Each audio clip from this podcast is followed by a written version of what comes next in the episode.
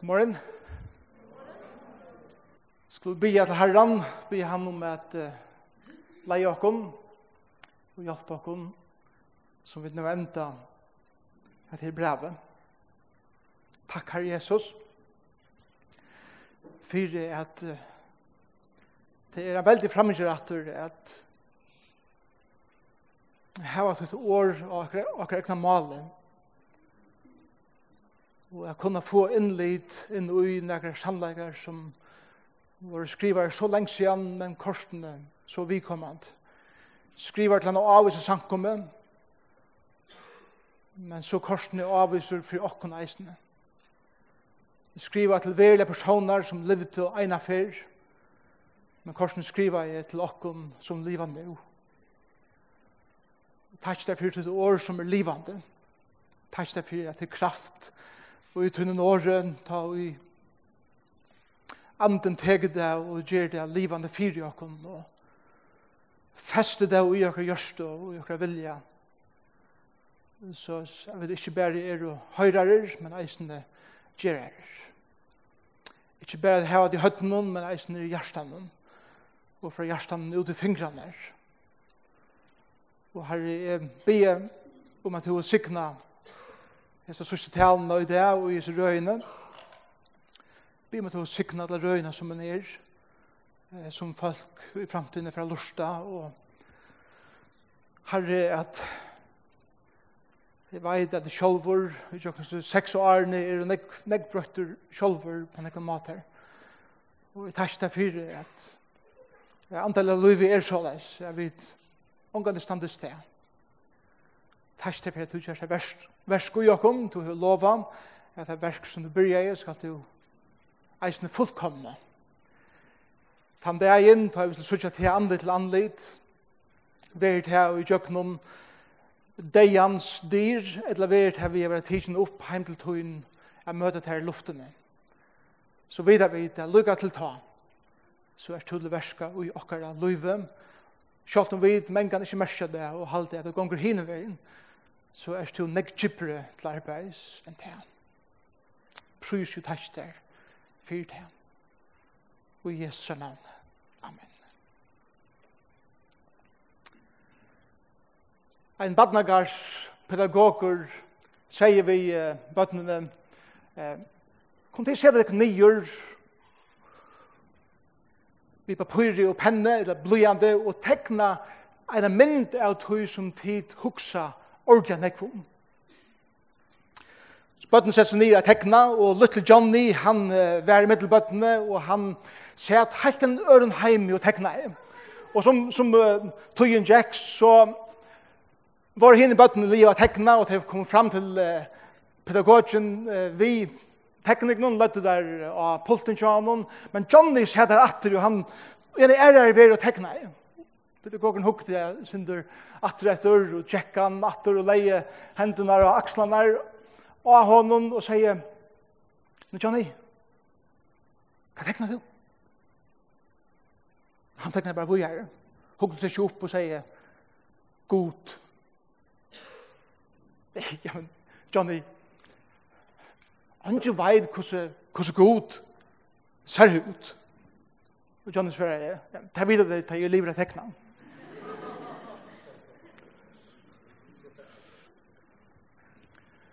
henda ferien gjør rombraven. Jeg lyser hver god feiren er.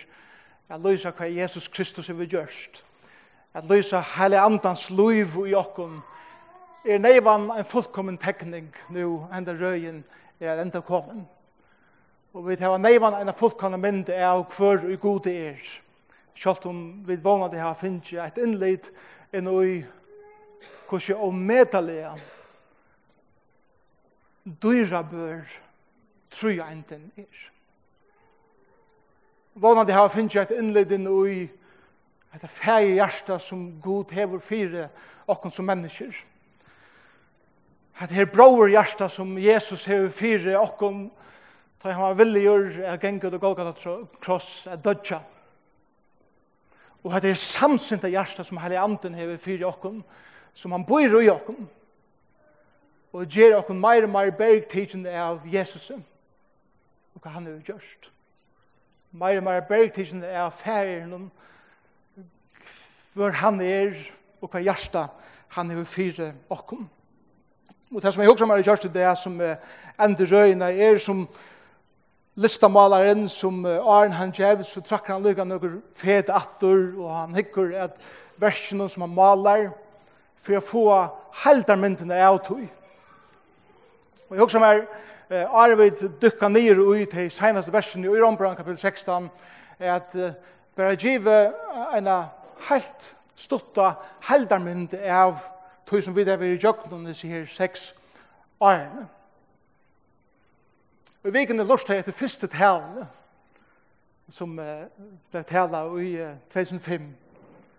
Og jeg har sagt halvtid her, kanskje ikke hver jeg er tale, men utan de aller fleste at høvsbåskapen i rombravren, rombravren i hesen, synden er nekv verre enn vi talte. Synden er nekv verre enn vi talte. Hon har gjort nekv gypre skia av akkara loiv og akkara tilvere enn vi heilig hidju kunne gjøre kom fære om. Den neste iverskriften fra kapittel 3, 21, ut til, til sørste vers 11 kapittel i hendan. Nøyen er nekst større enn vi skilja. Nøyen er så omedelig nekst større enn vi nekkant å kommer skilja i hessen løyven. Og det sørste, fra kapittel 12 til kapittel 16, er etter andalige løyve er nekst rykare enn vi kunne huksa okkur. God hever så øyla nek meir til okkur at vi kan hugsa okkur med hva det herra gjør. Ikke bare hesemennene, men eisne hesemennene. Og det er så medalja dorst. Så, så første kapittel som, som, som Paulus får ut og i var hettar, han sier i, i, i kjente øren til første kapittelet, til öll henne elskav og gods, som i rom er å kalla heilig. Så fer han, og han, han, han tåsar om kva for hjert han hever fyrir dem. Han tåsar om at vi hever planer om å fære til Spanien, men det er ikke stekker seg tikkene av vennen, at vera sikner av tikkene, og at sleppa sikner av tikkene. Og så sier han etter, jeg skammes ikke ved evangelium. jeg skammes ikke ved evangelium Kristus her, som hever en veldig myndelæg, som frelser mennesker. Men, men for å skilja gledebåskapen, så er det som Paulus brukar tøy at ta seg om at for å skilja en gledebåskap, så må vi sørge at det mørske søgjene av verleikene. Og han, han blir akkurat som uh, i en, i en søyl, kan man godt si.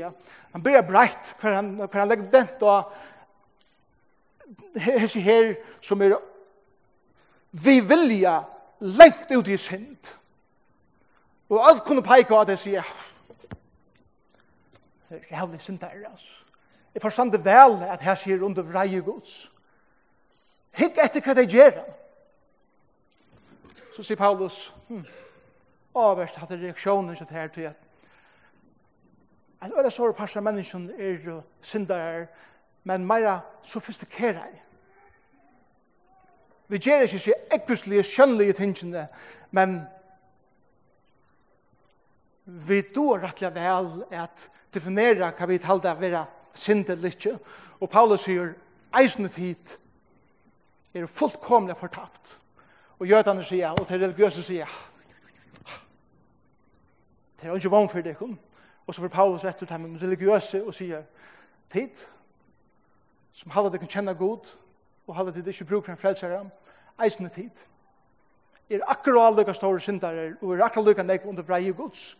Og så er akkurat som Paulus, og i som første og tredje kapitlen, og sier, synden er så avmedelig djupt grekven inn ui okkara djupast tilvære. At det er ikkje eit menneske, Lega mykje hvordan vel det polerar sina religiøse glorie. Det er ikkje et menneske som toknast gode. Öll hava synda og taimon fattast durt Guds. Og så kommer han til enda den tredje kapitlet og sier men. Men god hever ikke lede okkon etter her. Han har gjørst nega omedelig underfullt. Han har sjolver tidsi straffena som vi bera av seg sjolvan for at endur få okkon, for at endur løysa okkon.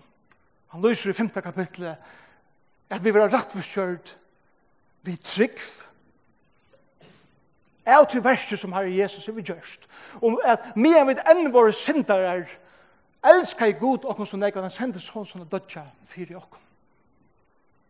Og så, så fattelig man her at wow, det er fantastisk. Så, så kan jeg bare sikke på av Herre Jesus som er frelsere, og så har jeg finnet en billett til himmels, en av frelsere, alltid frelser, wow, super. Super. Og så kommer han til det i satta kapitlet hver han sier Skal de halda av synda for at nøyen kan være til større? Er det det som andre løyve snur seg om? Nøyen er så stor, så hvis jeg bare synder enda mer, så blir nøyen enda større til, så må god vi som er enda mer nøyen. Og hva sier han? Mega nøy. Mega nøy. Til at andre løyve er jeg har smakka nøye Kristus her i rett her, at jeg vet noen ting, jeg, jeg råkner deg, eller tilåkner deg, så at jeg begynner å skilja hva det er som Jesus har gjort av krossen. Og meira og meira er får jeg egen oppfyre hva det er som han har gjort for meg. Meira og meira ligger det i meg her og sier, jeg vil offre meg selv.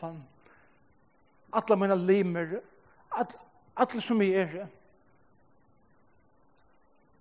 hon til rattvus. At hans rattvus skal, skal suttjast i mer. Så sier man, ok, fint. Nu, nu får jeg bjåa meg sjåan fram. At Gud skal bruka meg som sutt rattvus og illet. Vum, så tar jeg penn i hånd og jeg får gjøre meg en lista. Vum, Hetta skal gjera, hetta skal gjera, hetta skal gjera, og hetta skal gjera, hetta skal ikkje gjera, hetta skal ikkje gjera. Nu gjera man en listar om hva det skal og hva det skal. Og så byrja jeg at, at, at gjera seg tingene, og jeg, jeg føler at, at nú skal jeg ordentlig være andaligur, men det som jeg føler djupast i meg sjolv er til, det blir bare meir og meir frustrerad. Jeg vil være andaligur, men god, hvor blir bare? Til kapittel 6. Og kapitel 2 er for mennesker som røyna å være mer andalig, men i egnare kraft. Nå skal jeg. Og det ene som hender er at jeg blir mer og mer frustrert. Og så er det akkurat som Paulus teker opp i håndena og sier, Tøy men du har liv og kjenda kapitlet. Kan ikke bare leie din i åttende? Landsleie for helt en annen Alt det er utkjent. Hver han teskar okken i øyre og sier, det er tog, ikke fordøming, for det som Kristi Jesu heldig ikke jeg ikke klarer å holde listan her som jeg har sett meg opp. Nei, ikke så jeg skal listan her. Tøy, andre vers. Heile anden, han bjóar til her alt her løyve som du har brug for Jeg sier, jeg vil leve mitt liv for Jesus. Ikke leve det egnar kraft. Få en og fire at det er ikke fordøming. Få en og fire hvordan jeg elsker du erst. Få en og fire at hele andre til ikke bostå ut her. Jeg djeva til alt det som du har bruk for og uten kan andre av liv. Og det som vi får en og fire åttende kapittel i dette er at ta og vi trakker ut til det her reelle liv som vi går ut og vi talte. Wow, nu Nå får lov å være super her etter. Til hele anden teker reie. Og det som vi oppdea i 8. kapittel er til at den ferie som hele anden teker okken er en ferie i jøkken et land som er spilt, som er råte, som som remper seg i versen, ta minne som han brukar, en kona som, som ligger ut i spalen og hever seg rævlig på inna, drekk som alt skapane vers i råpar, hvordan lønge skulle være i sånn her? Og herrante sier, det er ikke fordøming for det som Kristi Jesus. Han sier ikke, kom an, vil du tålen, det er nok bedre, Han sier ångan det. Han sier, og i landene som du bor i, som er spilt land, er ikke fordøming for det. Og alle de tingene som du skal gjenge i jøkken i livet, hever god kontroll av. Og han kan tega det og sija, god samvirkar alt til det gode. For det som er elskar god. Og han leier opp til enda kapitlen og sier, Heldig du at det er nekka som kan skilja til fra karlæga Kristus er. Og så ramser alt møvelt opp. Man er åkken damer som er lister. Alle sier tingene, kan det ikke skilja åkken fra karlæga Kristus er? Og han sier nei. Ønsk kan skilja til fra karlæga Kristus er. Så det er akkur som han tever okken i en annan land, i 19. og 20. kapitel, hvor han sier, ok, Her har vi den mynd i, i 8. kapitlet av det jøriska. La meg lukka teka til inn i det himmelska og vise til perspektivet fra himmelen av nye jørna så er det Guds perspektiv. Nå skal vi lære oss at Gud er fullkomlig suverener og hever alt i sin i hånd eisen ut liv. Lukka mykje hos det ser ut. Tudjende kapitel lærer oss at i sin verste veler Gud at involvere oss eisen så er det at de som skulle tryggva må høyra. Om onkur skal høyra må onkur er som prædikar. Om onkur skal prædikar må være onkur som sender deg ut av prædikar. Og då sier god, det bruker tikkun som min am på. Og så sier han i etlende kapitlet, og i etlensen her har vi er eina evian, fullkomna, underfull atlan. For i som vi innskje, er gjerra. Det er ikke sånn den teologiske søgjene av Rombrand, så kommer det ut i talte kapittel, og, og det er akkurat som hva så spørningen, hva det er så tøye for akkurat liv. Og han begynner talte kapittel ved å si, det betyr først og fremst det, at ta vi få egen og fyrir hvordan underfull god det er, så sier vi, god, her er mitt likam, her er mine åkner, her er min tøy, her er alt som jeg er, og jeg innskjer at lett seg til av alt der, så at du kanst tega det og brenna det opp tunne navnet til dørt, samtidig som jeg vet at det er så omedelig lagt av kruba av alt altaren natt. Og inn ut det gamla. Så fyrir han vujer i i talta kapitlet og sier eh, Karlægen som jeg har folk er så han er menga så oekta God, hjelp meg at, at livet et ekta liv som er eikjent av karlægan, ekta av karlægan mennesker og fyrirkjering. Ta i vi skjert. Så gjør det sinne breier til 13. kapittel hver han sier, ja, men ikke, ikke, ikke glem at jeg har du livet med brøver og systre, du gonger løvdene, men det er ikke ditt eneste løv.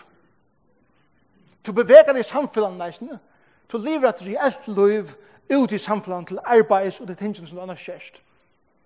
Løy i overveldene. Ja. Vær til fullnær her som du erst. Ikke bare fylgja Jesus i sankumene og så ikke seg henne. Lad Jesus være herra i ødlom omstøvende områden til kan løyfe. Så for Paulus har nema vi så mye irriterende folkene som er det her åh, det er irriterende at ødt skal ikke bare være lykkes med. Det er ikke deilig hvis ødt bare være lykkes med. Ongen her er meningar, og ongen slår annerledes ut, og alt det her, og Paulus sier, ble vaksen, virtålen, eh, tålen, vi hei som kanskje ikke kommer lukka lengst som to, og ongen økken, ble vaksen, at han økken som tog, og fører som han baden henne, lær at leva livet saman vi gjør som er fullkomlig annerledes enn til og god til vi gjørst det såleis. Det skal være såleis. Fyrstende kapittel. Femte kapittel tar seg om at i ødelsen her så er det et som råkker fokus ut til det Herren Jesus for en dag kom at Og inntil ta livet vidt.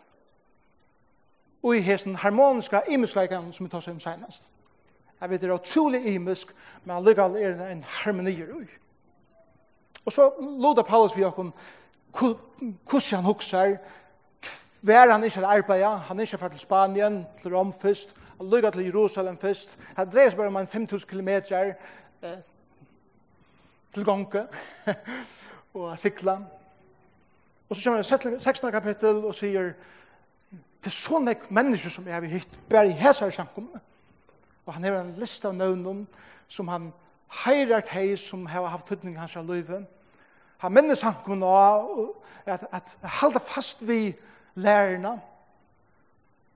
Og så prysar han teimen som er vi henne nu og sier, her er vi nu. Og så kommer han til endan av skapetlen og sier, vi kunne ikke bare prysa gode for alt det her.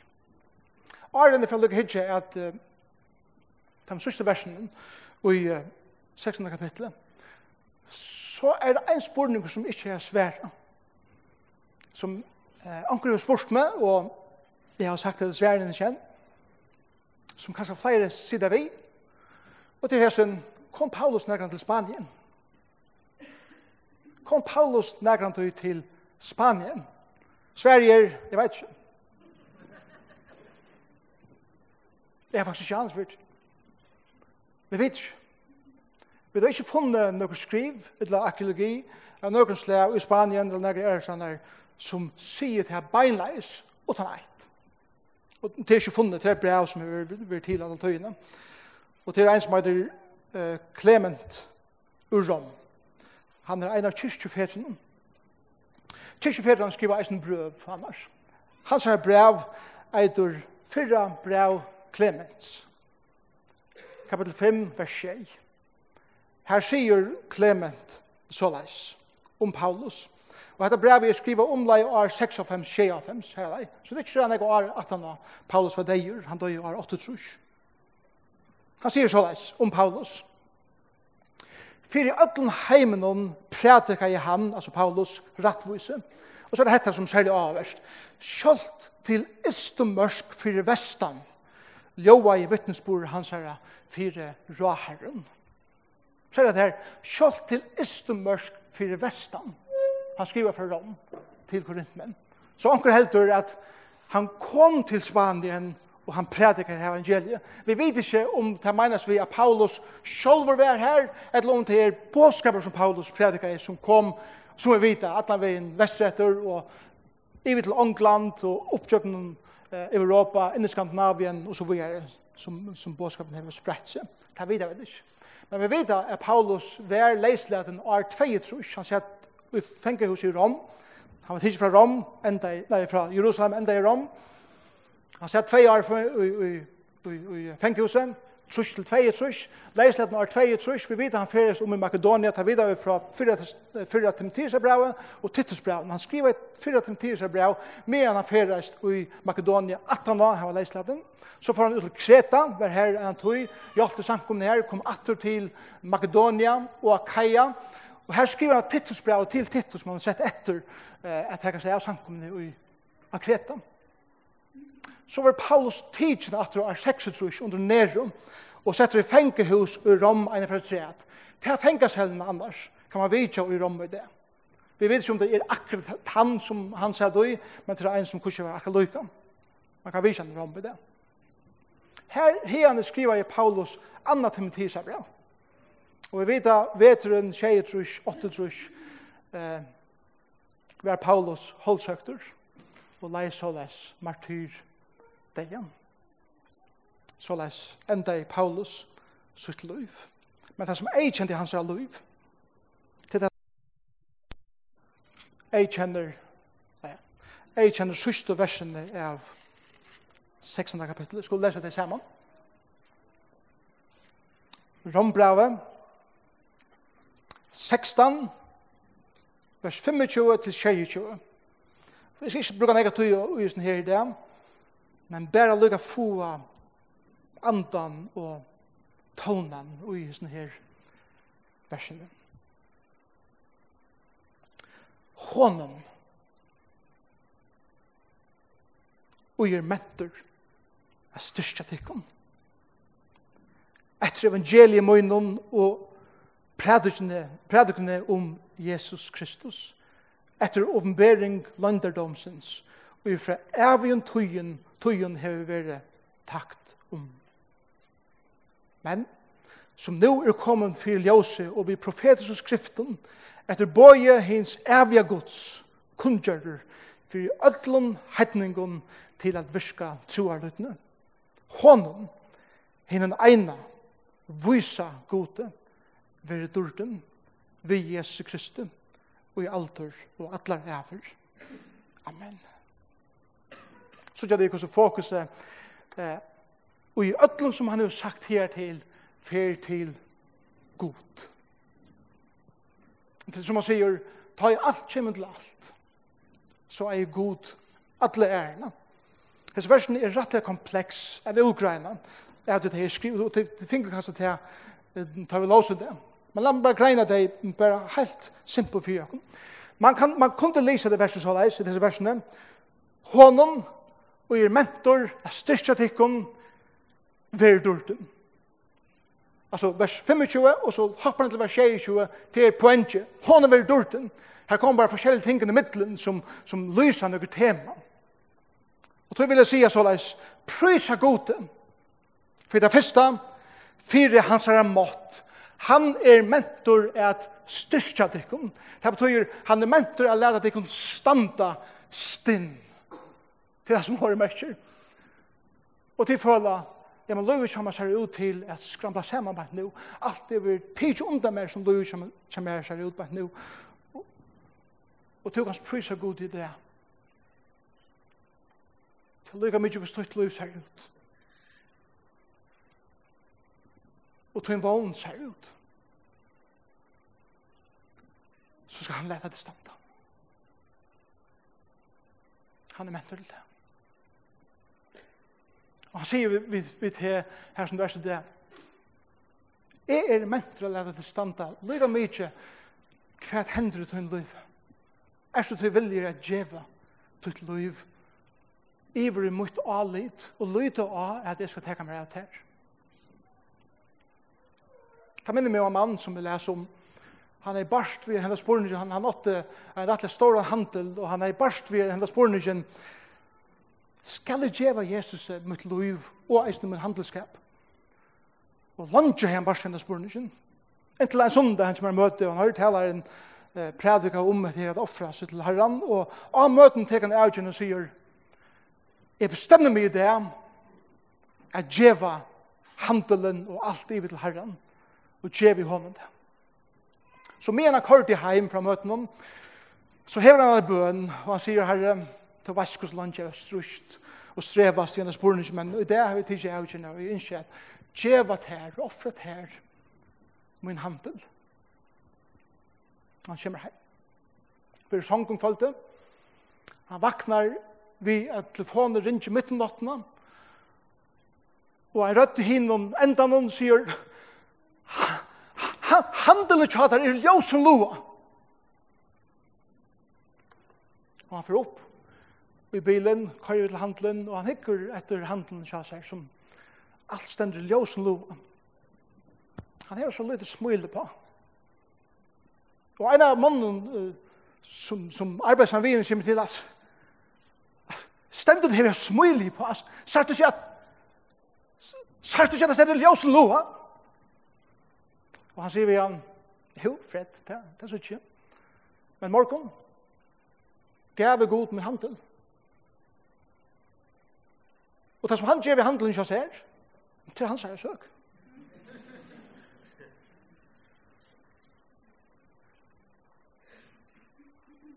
Tår du at jeg var lov tøyt til herre Jesus og hvis han sitter eld ut her som er her aller kærast jeg sier ja, men til hans er søk det er det som Paulus sier lærst Og han priser god til fyrt her. Han priser god til for det lasta at landardomeren som overvær lønder er nå åpenberer om at Jesus Kristus er kommet og har givet løs ut for menneskene og til åpenberer i hans året. Og han priser god for at glede bådskapen er for ødel mennesker. Ønsken ekskluderer oss. Karlage Guds omfevner ødel menneske.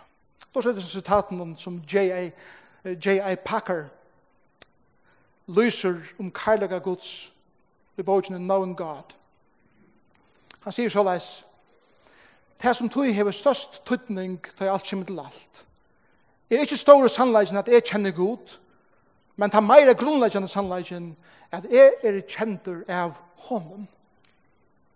Han hever rist, eller gravera mot navn inn i hendursynar. Er i ongandi ur tonken hans herra. Öll min vitan om han er hongur, er hans herra ahaldnadi ahua, og jeg kjenner meg. Jeg kjenner han, til han kjente meg fyrst. Og han heldur av vi at kjenne meg. Han kjenner meg som sin vin. Han er ein som elskar meg. Og til ikkje ein løta her ei hans her ikkje er av mer. Ikkje ein løta her tankar hans her er opptikkene vi åkne øron. Og tog er ikkje ein løta her omsorgan hans her Det er ikkje ein løta. Her er en iveveldande vitan.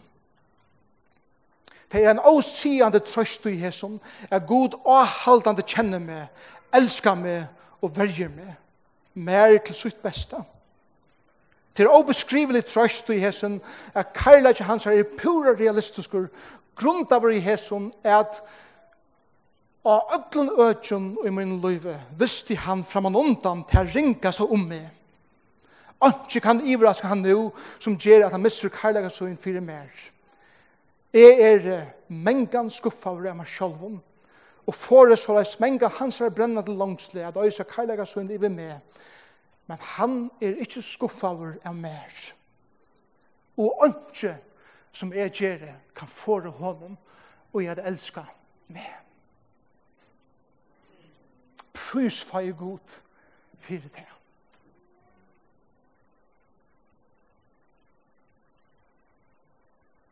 Og hun er at hvis det er et vi kunne forresten av i rombrennen, så er det bare bergtisene av hvordan er god elskar til. Og hva det er veldig betyr for hvordan vi lever og hva er liv. Og hvordan åpen vi tåra være om hva vi er verre er innast inne. Ta vi kvila og i at han elskar meg likevel. Han visste fram og undan til alle ringast om meg. Han likevel elskar jeg meg. Så, som sundagsskolen er enda over, Hvordan jeg endte jeg så heter her brevet. Og til brevet vil jeg sige, gode pura butter ut her. Gode pura butter ut her. Og jeg har endet her brevet ved å skrive en bøn nye som jeg ikke har lesa for i samkommende. En bøn som er min personlige bøn til god, som er østlig av at jeg vi har gjort noen rombrevet og til versk som han har gjort og mer personlige. Og jeg seks år hever god arbeid mer på nekka matar. Nekka av tog som han nu gjørst i mer kommer fram i hans bøn.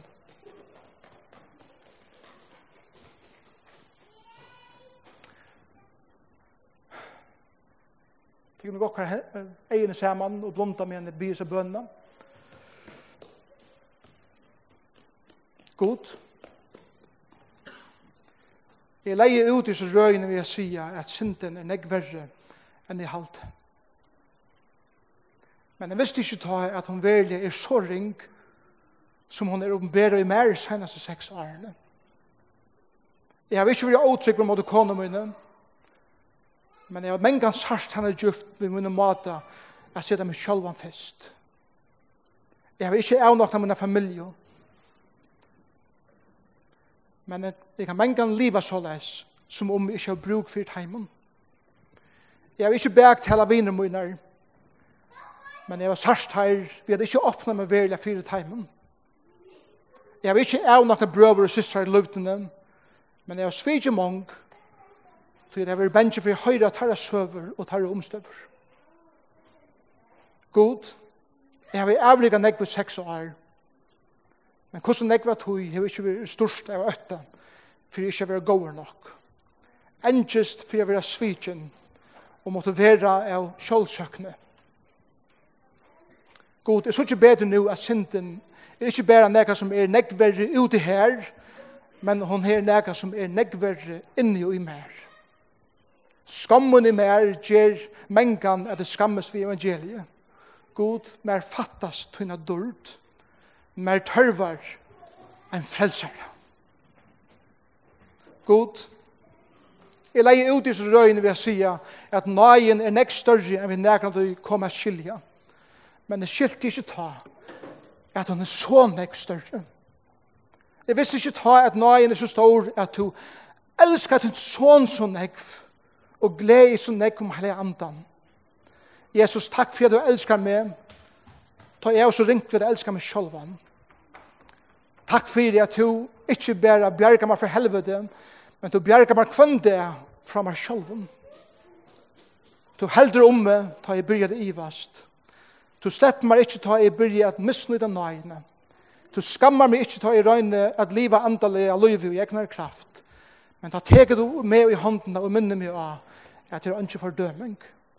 Åh, jeg er så fotler og i sjølvfordøming og nyrgjering av meg sjølvund Hvordan ofte har jeg ikke bruk for at jeg har hørt tøyne rødt herre sier med Jekvann, Det er ønsken fordøming for det. Takk, Heilige Ande, at du elsker at heira Jesus. Takk at du gjør meg alt som jeg har bruk for det til mitt andre liv. Takk for at du gjør meg klar å møte Jesus i en dag. Takk for at jeg har sånn åtrykka og spilta heime. Er det ångar spilta løter. Takk hendingar eller omstøver, ta i byrja suttje at alt samver skal ta med til gåa som elskar god. God. Det er så overligt at hugsa at ønsken kan skilja meg fra karlaka Kristus her, ta i hitje at hvordan jeg er verdig er det. Men lær meg at hitje at meg sjolvun som to hikker etter meg, Jøkken til en son, som jeg vet at du elskar så medelig høyt. Takk for at mitt liv er tunn i hånd, og at hun hever avgjær og gåar atlaner vi mer. Og sjalt om avleikjen skal ikkje være nok tøy å komme skilja hos og medelig stor og dyre bare nøyen er. God, hjelp mer. to er at han fyrir hendan dyrgrip vel, tøyna nøye. Ikkje misbruke henne, men å åkna mer henne, tøyna navnet til dyrt. God, jeg leier utvis røyne jeg sier at andre av løyvi er nek rykere jeg, men kunne hukse okkom. Jeg visste ikke ta at jeg omfader kvann krog om min liv. Jeg har så jeg har så lagt via krupa av alt er natt. Min karlage er menga så oektavur. Min fyrirgiving menga så grunn. Min vinskaper menga så uvflateskur. God, gjemar gleina at liva saman vi taimon som er heilt annerleis enn jeg. Gjemar meg eimjuleikan at vilja lære av teimen, at være tålen, ta jeg skal være tålen, at blå vaksen, ta jeg meg tørre blå vaksen, og minne jo av atter og atter, at jeg kan ikke liva saman vidt her, og om ikke hever relasjoner vidt tunne bøten. Vis mer hvordan jeg kan være, hva jeg kan gjøre, hvordan jeg kan ferast. Røyne mine motiv, spekla mine blindvinklar, rattla i meg, ta i gengjum min egnu lei, oppenbæra mina skam, så at han misser sinna makt, drev meg daglige inn til tøyen, inn til tøyt elskande hjärsta. Hjelp meg at æra teg som jeg har sikna med. Hjelp meg at heira teg som er tjener sammen vi. Hjelp meg at sutja tøytningen av nøvnen, menneskjen, god. Det er tøy, det er tøy, og tøy, av livet her etter, vi har ødlant hemne avmarsingen og dikten som jeg hever, så ønsker jeg djeva til tøyen alt mot liv og at liva mot liv tøyne navnet til dørt. Og tøy sier jeg ved Paulus honom hinnen eina vysa gode ver dørten ved Jesus Kristi og i altor og atlar ever. Amen. Amen. Amen.